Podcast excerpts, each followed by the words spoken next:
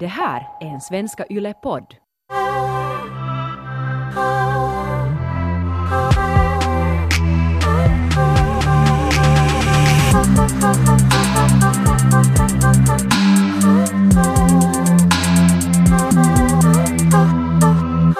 För ungefär åtta år sedan så uh, hade jag ganska mycket problem med olika receptmediciner som jag drog för att bli hög eh, med min dåvarande pojkvän som eh, fixade åt oss och det ledde till det att jag överdoserade eh, och hamnade in på intensivavdelning. Nu så förra sommaren så bandade vi in ett avsnitt med Ronja Salmi, hennes program Mitä mietit Ronja Salmi på YLE. Där hon behandlar olika sådana tabubelagda ämnen.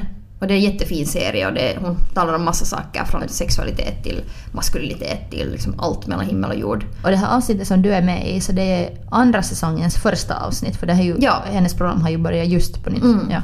Ja, och det, där behandlar hon liksom just eh, droger och snackar med människor som har tagit droger och eh, människor som kanske det var till och med någon dealer och uh, allt möjligt sånt här liksom drogrelaterat. Uh, och jag har berättat min story till henne, hon är min goda vän så sen uh, när hon berättade att hon skulle göra det här avsnittet så faktiskt erbjuder mig att komma och berätta min story.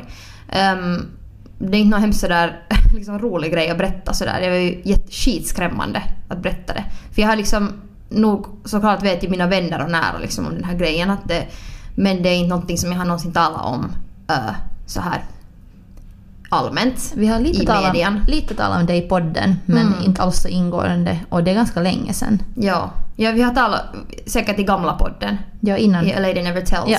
Ja. Shout out A Lady Never Tells! Um, men det är, alltså det är så fucking tungt att tala om och det, det är riktigt, jag menar det, det är ju liksom det är tungt för många orsaker men alltså för att det var så nära um, Döden. döden.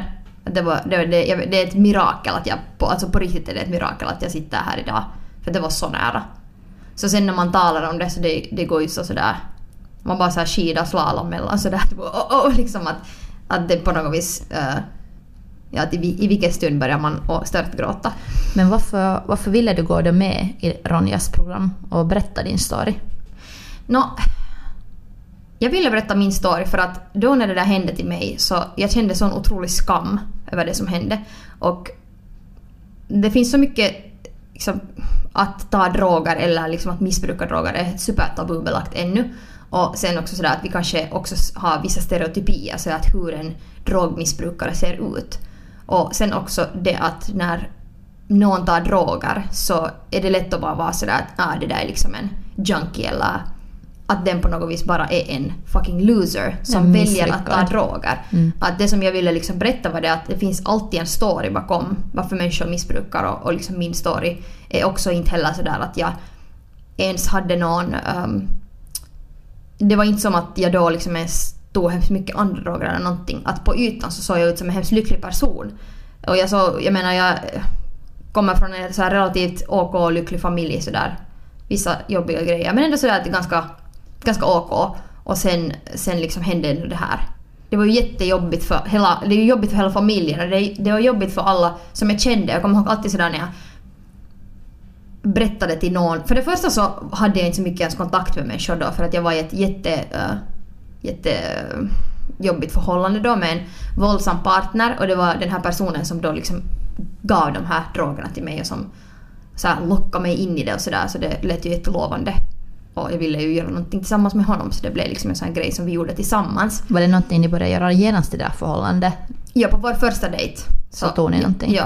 Okej. Alltså jag kommer inte ihåg första veckorna i det där förhållandet för att jag var så borta hela tiden.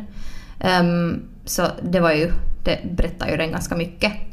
Ehm, men, eh, men jag, eh, ja, jag hade inte så mycket kontakt med människor då så att eh, jag var så på något vis distanserad från alla just.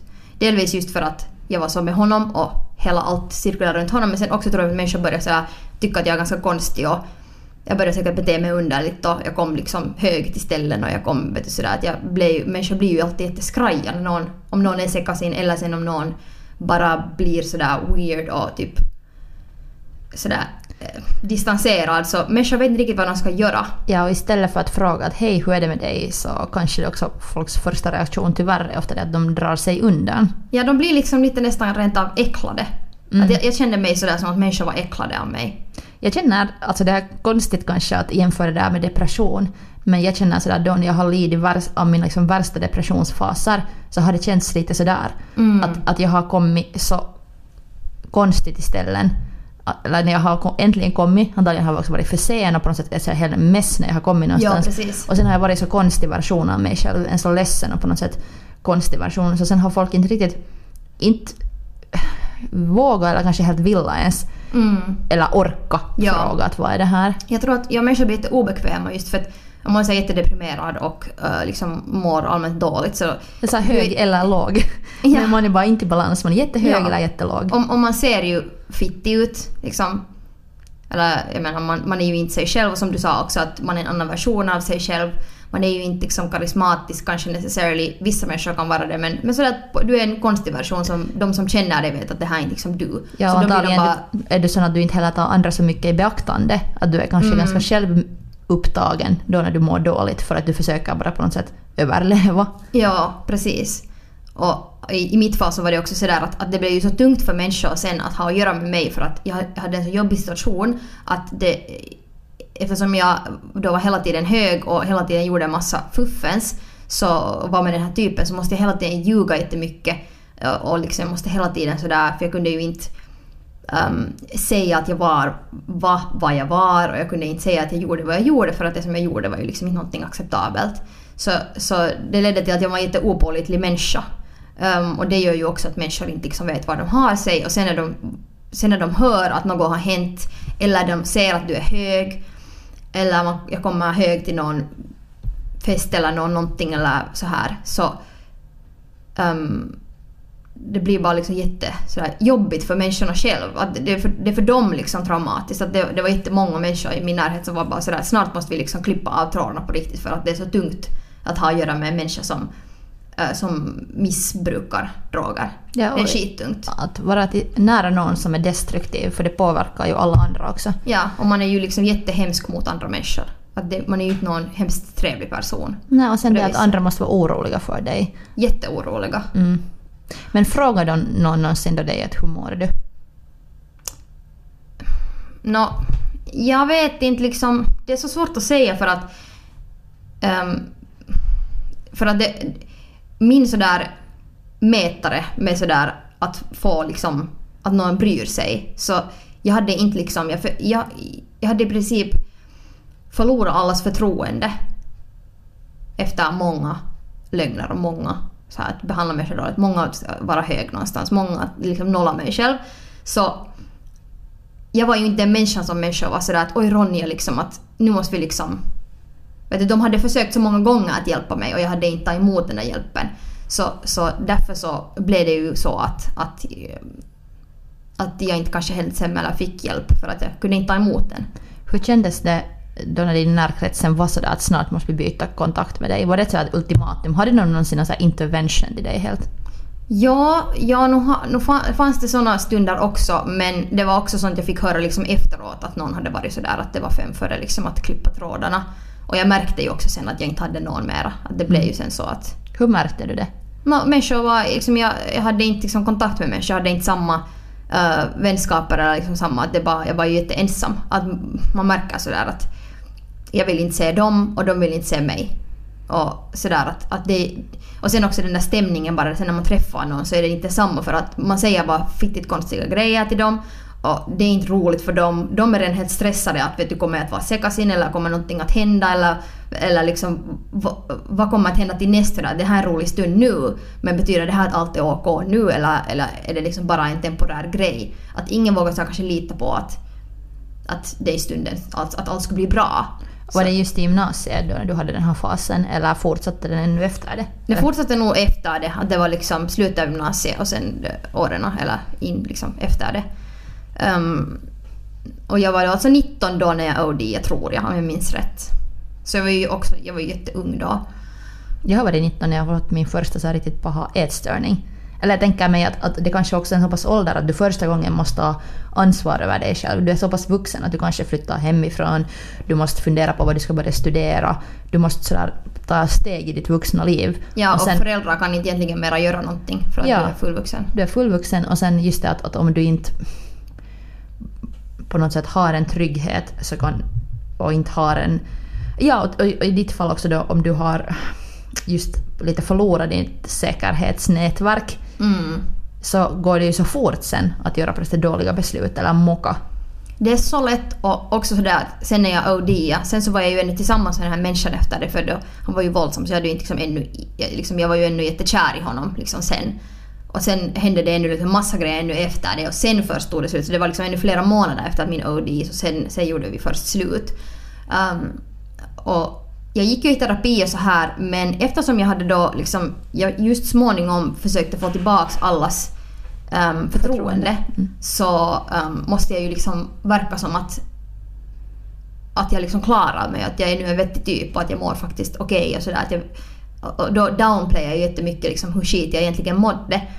Så det sen igen ledde till att jag inte liksom behandlade mina grejer ordentligt. Att jag gick några gånger i terapi och sen var terapeuten sådär att hej att okej att jag skulle just då vara så att jag hade bestämt mig att jag ska göra slut med mitt ex och, och, och den här personen tyckte då att att okej att, att, det där, att det verkar nu som att, att, det där, att vi har nu liksom den här intensiva vården är nu liksom sådär att färdig. Att om du vill fortsätta så får du, men du behöver inte. Och den och hon var sådär att du behöver inte. Så då tänkte jag att ah okej yes, att jag är frisk nu. Och så tänkte jag att jag behöver inte gå i terapi och liksom allt är bra. Och jag, jag, kände mig, in, jag kände inte mig själv då så jag visste ju inte att herregud jag borde fortsätta gå liksom nästan lika intensivt i två år till. Och ingen sa ju heller det till mig och sen när jag nu försökte verka som att jag mådde jättebra. Men sen fick, hade jag ju ett, tog det inte länge förrän jag träffade ännu en tredje typ. Det var en sån tredje destruktiv pojkvän.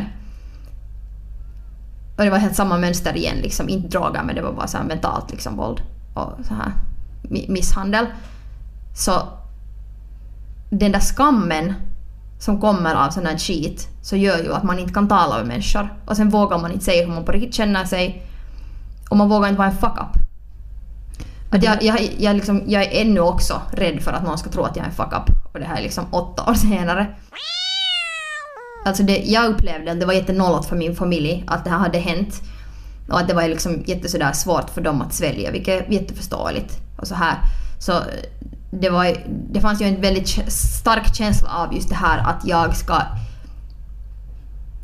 Att vi inte ska nu liksom berätta sådär att vad som på riktigt har hänt. Att jag, jag skulle just ge ut mitt album, massa grejer skulle hända då. Liksom att det var, jag hade så allt framför mig. Och sen på något vis så, så fanns det ändå inte en öppen diskussion om vad som hade hänt och sådär. Klart att man talar lite om hur jag mådde och sådär men sen egentligen inte. Egentligen har jag inte, liksom, talar jag inte med så många om det. Och det var ju jättetungt. Att på ett sätt så skulle jag så här behandla det och komma över det men sen egentligen så kändes det som att jag inte fick tala om det. Och inte liksom att jag skulle bara på något vis klara mig. Så det fuckade upp mig ganska hårt. Jag har aldrig ODA, eller jag kan liksom inte jämföra direkt med det där, men känslan du beskriver låter samma som när jag försökte tala med mina föräldrar när jag var 19, just om min, mina första liksom pah och depression, depressionsperioder. Jag minns när jag sa till dem första gången när jag var 19 att jag tror att jag skulle behöva terapi nu för att min hjärna och jag fungerar liksom inte ihop och allt börjar bli så jobbigt. Och att de var då sådär, ni bara misslyckade människor går i terapi och bara losers gör det. Och vad, vad kan du, vad kan, liksom, att de förstod inte. Det var någonting som de inte... Att de kände att det är skamfullt för dem om, om jag blir en fuck-up, om jag är en loser, om jag är misslyckad. Och det fick jag lära mig hemskt, hemskt ofta eh, en lång stund. Att, att just att, att om man då liksom tar upp saker som är jobbiga så blir de besvikna för att de äcklas av det. Att man är på något sätt inte så bra som de hade hoppats man skulle bli. Ja. Att just det där att man, man lär sig själv att vara rädd att misslyckas. Man lär sig själv att bli en fuck-up istället för att öppet berätta om sina känslor. Och, att man är så rädd för att just... Jag har också varit rädd hela mitt liv typ för att någon ska, liksom, att jag ska, någon ska fatta att jag är en sån fuck-up. Ja. Och Det- det, och det är jättesynd att du inte har då kunnat tala öppet med någon. Och just jag känner också igen det där detsamma. att du har varit i terapi ett par gånger. Jag har också varit. Ja. Och sen var det sådär att, att ei sun tarvii enää tulla. Jos, att du behöver inte komma om, om, om du själv inte nu vill. Och sen tror jag det så att okej, nu tar jag någon annans plats som verkligen behöver det här. Ja, och exakt. Och det är det att man downplayar hur man mår på riktigt. Att, liksom, jag menar, det är helt samma som man har vet du, brutit sitt ben och man kan se att därifrån liksom, vet du, det är inte liksom helat ännu, det kommer så här var ut därifrån och sen skulle läkaren bara vara så att men vet du, du har lite var och sådär men, men du kan ändå kanske lite halta på det där benet så det är helt OK. Mm. Det, det där stör mig alltid att varför är inte mental vård på samma nivå som fysisk vård? Att Varför tar vi inte lika på allvar? Att jag kan ju inte gå omkring med ett jävla varande ben om jag har brutit det utan såklart man kollar att det liksom blir healat helt och hållet. Och sen är det healat och där är ett R så sen liksom är det fine. Men, men med mental hälsa så är det mycket mer sådär att okej vi tar den här liksom akutvården men sen efter det så liksom du behöver så mycket mer terapi för att kunna leva ett liksom bra liv. Och sen när man också kan med, som jag också gömde så mycket hur jag mådde. Så att hur, jag tycker att en terapeut borde vara den som ser att du mår inte ännu bra, att du borde nog ännu gå här liksom. Mm. Att, att, det, det där fattar jag inte.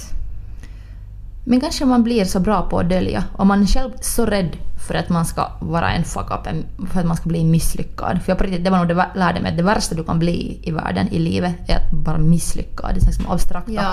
abstrakta rädslan. Så, så in i det sista försökte jag alltid vara, till och med om det var en krissituation och man själv var i någon slags krismode, survival mode, så försökte jag nog alltid vara så, här, så bra som möjligt.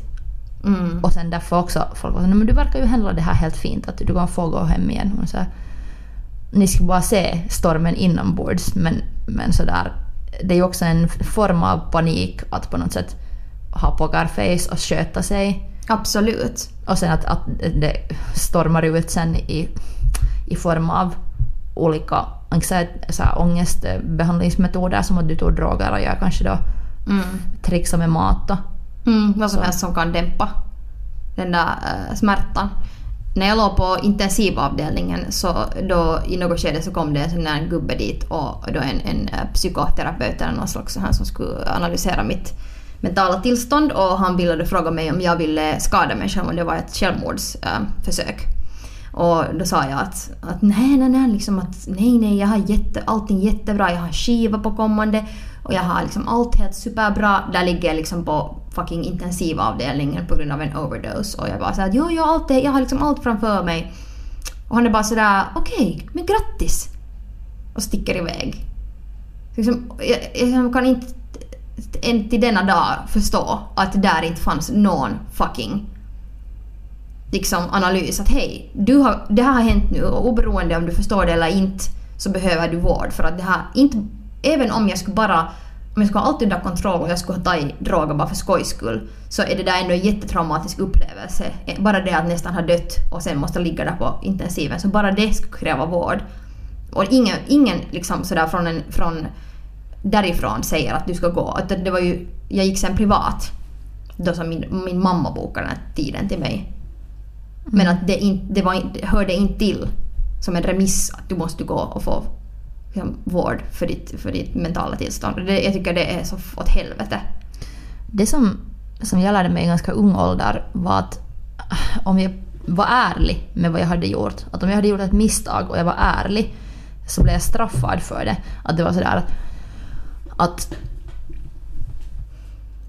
att det att jag hade gjort det där misstaget bevisade att jag, är, att jag inte är värd någonting och att jag är dålig.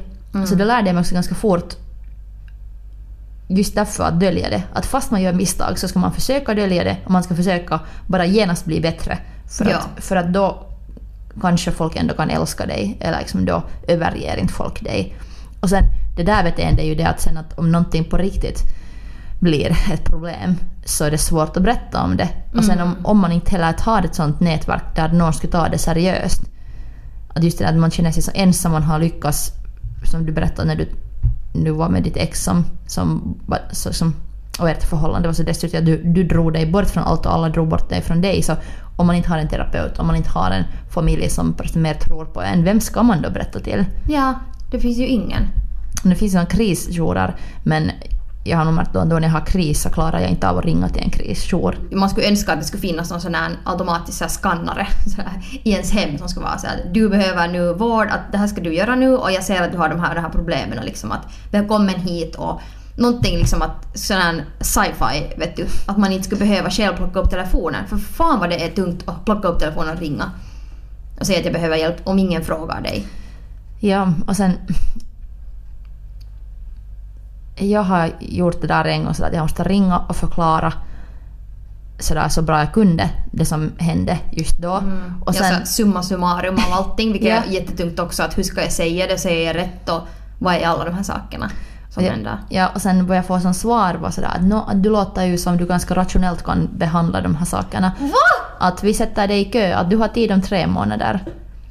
Alltså, Och- are you fucking kidding me? Och det var bara sådär att okej, Det är som att säga att, att vet du att ah, ja, du har ett brutet ben och du kan ganska rationellt nu säga att det är brutet liksom. Att, så här att men, alltså, behöver, man behöver ändå men, vård. men faktiskt det där har hänt mig helt fysiskt också. Jag har en gång haft eh, infektion i knä som, som ledde sen till en lång kur av medicin. Men jag kom, kom från en resa hem och sen for direkt till läkaren och när vi kom till ett sjukhus så sa de att jag kunde ännu själv gå.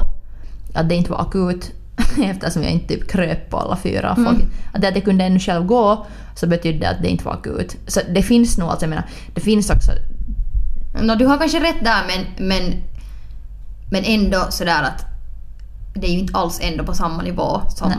Okej, jag blev igen Mentalvård. skickad till ett, bara ett annat sjukhus och sen behandlade de problemet liksom om en timme. Det var inte så att Ja. sätter dig tre månader i kö, att sen när den här fot- foten har fallit av och du inte mer kan gå, sen får du komma tillbaka.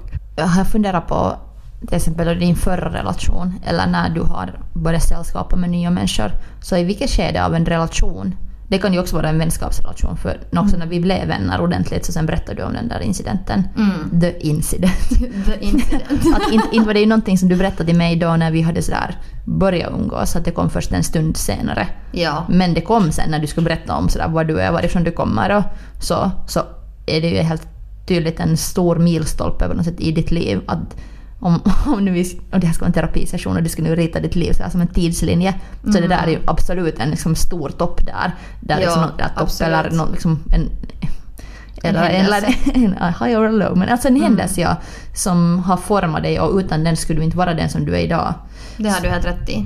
Alltså i vilka skede av relationer har du märkt att du har vågat säga? Eller när vågade du berätta det där till din förra kille till exempel? Uh, nå, j- om jag formar en relation med någon människa så nu brukar jag ändå eh, liksom, i det skede som jag känner att det finns en riktig, eh, en riktig vänskap där så då, då har jag, brukar jag nog liksom berätta det. För det känns sådär som att det, det, det är liksom som att säga att man är en recovering alkoholic eller det känns bara som en jotto som är det har nu hänt mig och på något vis så känns det bra nog att berätta det. Liksom och sådär. Så det beror ju på liksom människan. Men jag kommer ihåg en gång, det var en kollega som jag jobbade med, det var min liksom dåvarande typ som skulle liksom hjälpa mig med mina låtar och så här. Och sen eh, skulle vi få på en öl för att liksom snacka mer om det här. Liksom vårt, vårt samarbete om mina låtar och allt sånt. Sen så var jag bara så att, men, att nu måste jag, nu måste jag liksom berätta den här grejen liksom för att det, det hade dessutom ännu, det var tre år, två, tre år sedan det hade hänt så det var faktiskt färskt. Och, jag var ännu ganska fragil på grund av det så här så jag kände att, att, att, att jag vill berätta det för den här personen så där jag kände någon slags så här förtroende för den här människan. Och sen när jag berättade så eh, han blev så fucking awkward av det och han var bara så här, aha, okej. Och jag har liksom aldrig känt mig så som att jag skulle bjuda på någonting så sådär sårbart och så, någonting som är så sådär avgörande för mig och någon bara liksom bara inte vitt och bry sig ett skit. Och är helt sådär liksom som att jag, var, jag fick sån här feeling att varför berättar jag det här? Jag är dum i huvudet liksom. Att Det var sådär, sån på något vis. Så där kanske jag lite, efter det som var jag lite no- noggrannare att vem jag berättar det till. Men Det där är bara man blir sårad i en diskussion sådär. För man känner sig- själv så dum. Att varför lita på den här typen? Varför berätta den här stora liksom, hemligheten? ja, exakt. Och, och, och hur svårt är det att säga bara att hej, tack att du berättade det där. Och jag är ledsen att du gick igenom det där och inte bara såhär äh. Men människor blir fittigt awkward. Att, jag menar, jag kind of förstår det men kind of inte. Nej men då är det nog inte riktigt, riktig vänskap. Nej. Du är så bra på att berätta till mig alltid ibland om någonting inte, inte riktigt kärlek till exempel. Så nu får jag säga till dig att det här är inte riktig vänskap. För att det, att, att det är nog en sådär, hemligheter binder också människor ofta ihop. Är det sen, är det sen mörka eller ljusa hemligheter. Men sådär att om man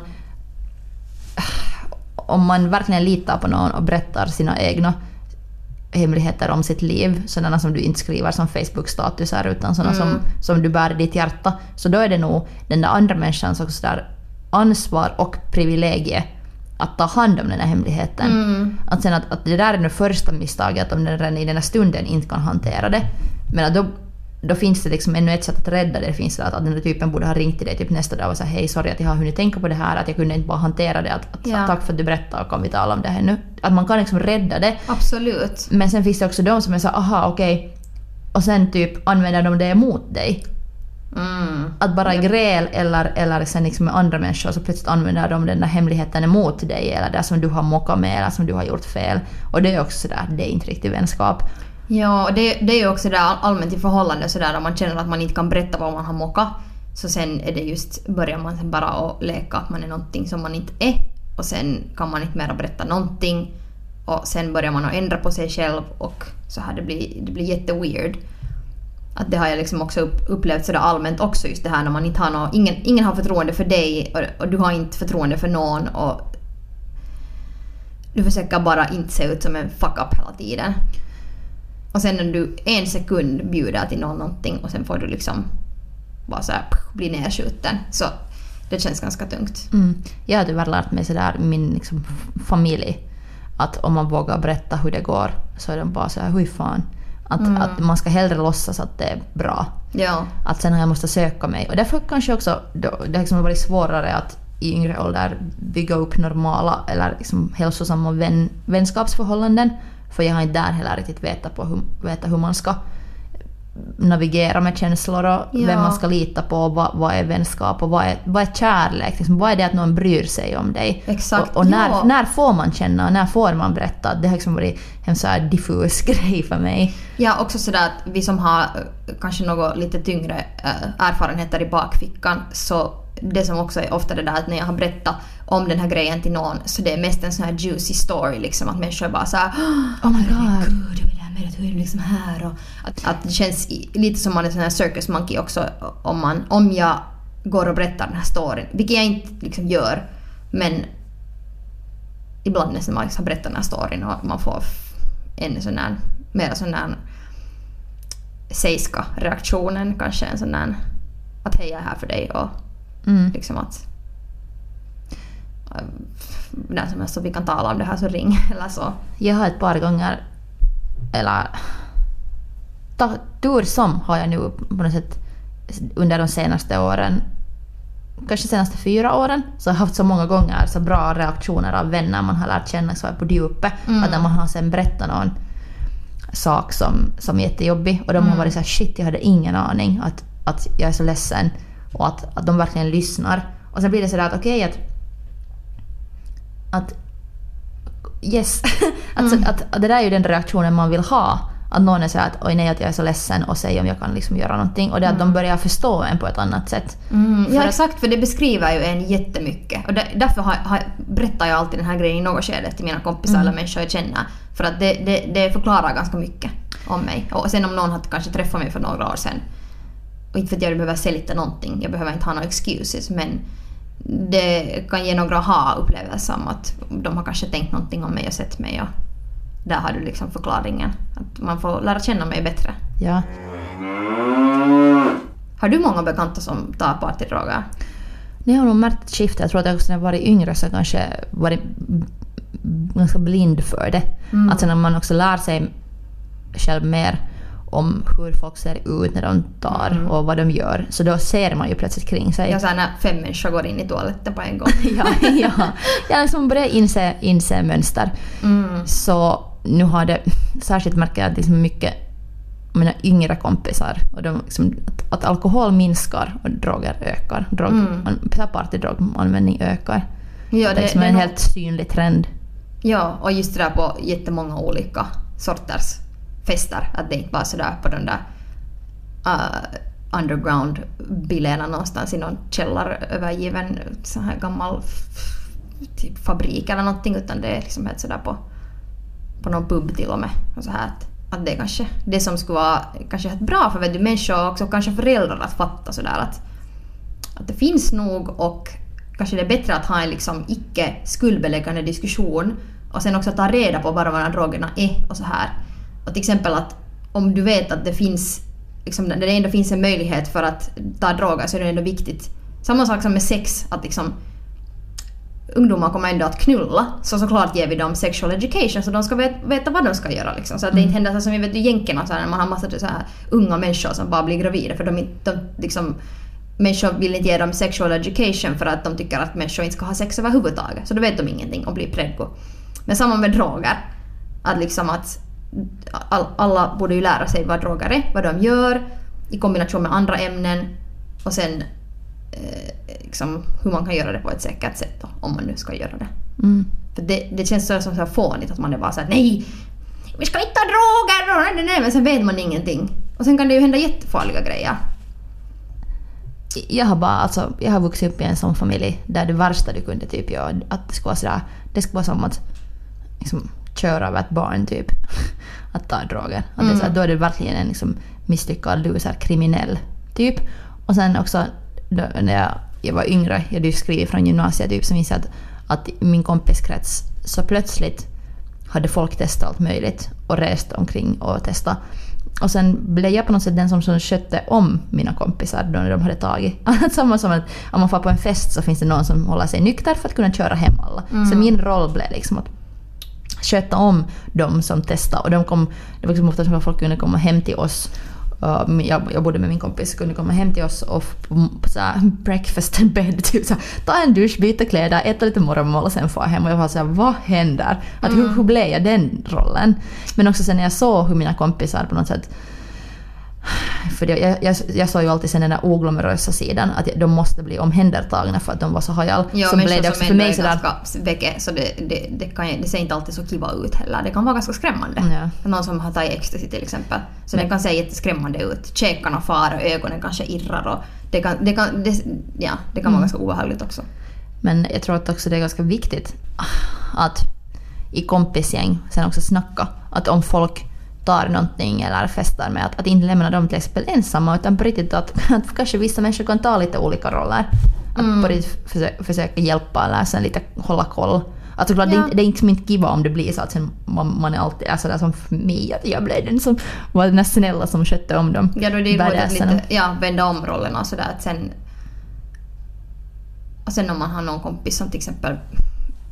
Som med alla substanser, alltså med, någon, om någon blir jättefull till exempel och som på ett sånt obehagligt sätt så det är ju inte kiva för någon. Mm. Men så att, att vad, ditt, vad ditt gift nu än är så är det ju ändå kiva att det finns en sån här förtroende, ett kompisgäng och Ja, en trygghet en där. trygghet där liksom. Att, men, men sen också sådär att, att nu är det ju kiva ändå att diskutera kanske före. Att, det tycker jag att det är weird liksom att man är i någon kompisgäng och sen plötsligt sitter någon där i ett hörn helt svettig och käkarna går och man är bara sådär att vad har du tagit liksom? Man vill inte ens nästan säga det det är bara så fucking awkward så att vi ska vara på samma våglängd och du har gått och nu tagit liksom någonting.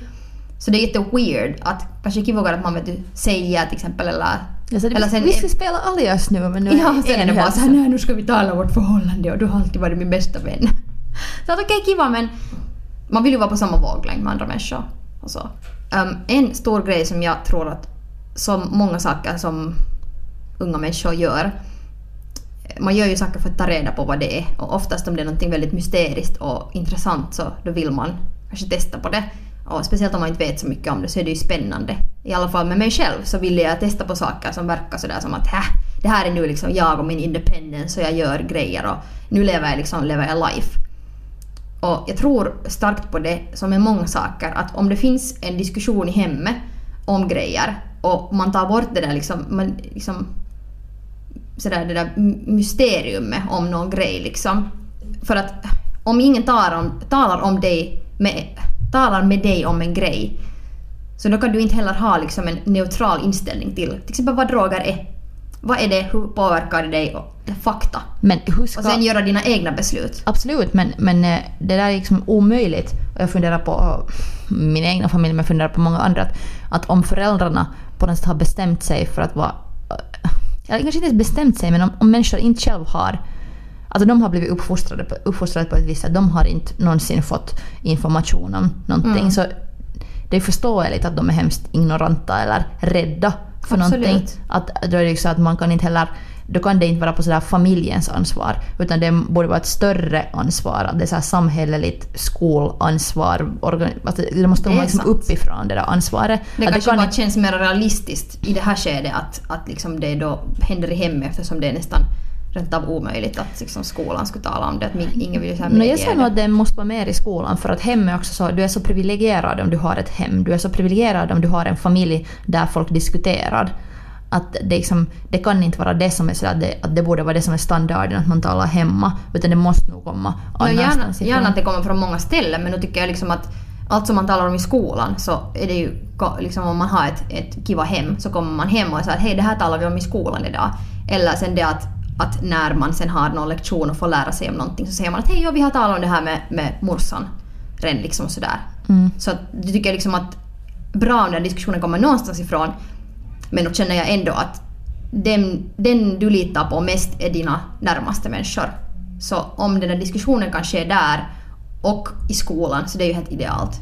Men, men det någonstans måste ske på en trygg plats. Mm. Vad, vad som sen är tryggt för, för en själv men att någonstans måste den där informationen komma. Jag skulle nog säga att det är helt skolans ansvar. Men varför, det, varför skulle det bara vara skolans ansvar? Eller varför skulle det inte vara i hemmet? Alltså det, för det finns så olika hem. Att det, det, att det blir så på ett individuellt plan. Att det blir så på individens ansvar. Men det är klart, no, ja, men jag förstår ju det men sådär att alla hem är ju olika men inte, inte kan man ju heller, inte säger jag ju nu heller att, liksom, att alla kommer att kunna göra det men det skulle ju vara den där, det där idealet liksom att, att man skulle ha en mer allmän diskussion om det. Ja, ja, alltså idealet absolut. Och, och att om du och jag plötsligt nu skulle ploppa ut ur, oss barn så ska jag hoppas verkligen att vi skulle vara liksom liberala öppna föräldrar som skulle tala med våra barn om allting. Och att Men du det, tänker mer så att om det är i skolorna så då är det liksom en, en i läroplanen och då är det liksom sådär att alla måste tala om det. Ja, och alla det, får Då den. finns det vissa sådana. Men det är ju ändå, jag menar, läraren är ändå människor och ändå oftast har kanske någon så personlig vinkel på någonting och lär ut någon grej liksom så här enligt vad de har förstått och sin egna så här. Så på samma sätt så har ju föräldrar också en vinkel. Så det är nästan omöjligt att kunna se att alla skulle ha en bra diskussion hemma men hoppeligen så skulle det småningom bli så där att det här skulle bli mer normaliserat och sen kanske ens lite mera på något vis vanligt att diskutera det. Ens lite, ens någonting smått.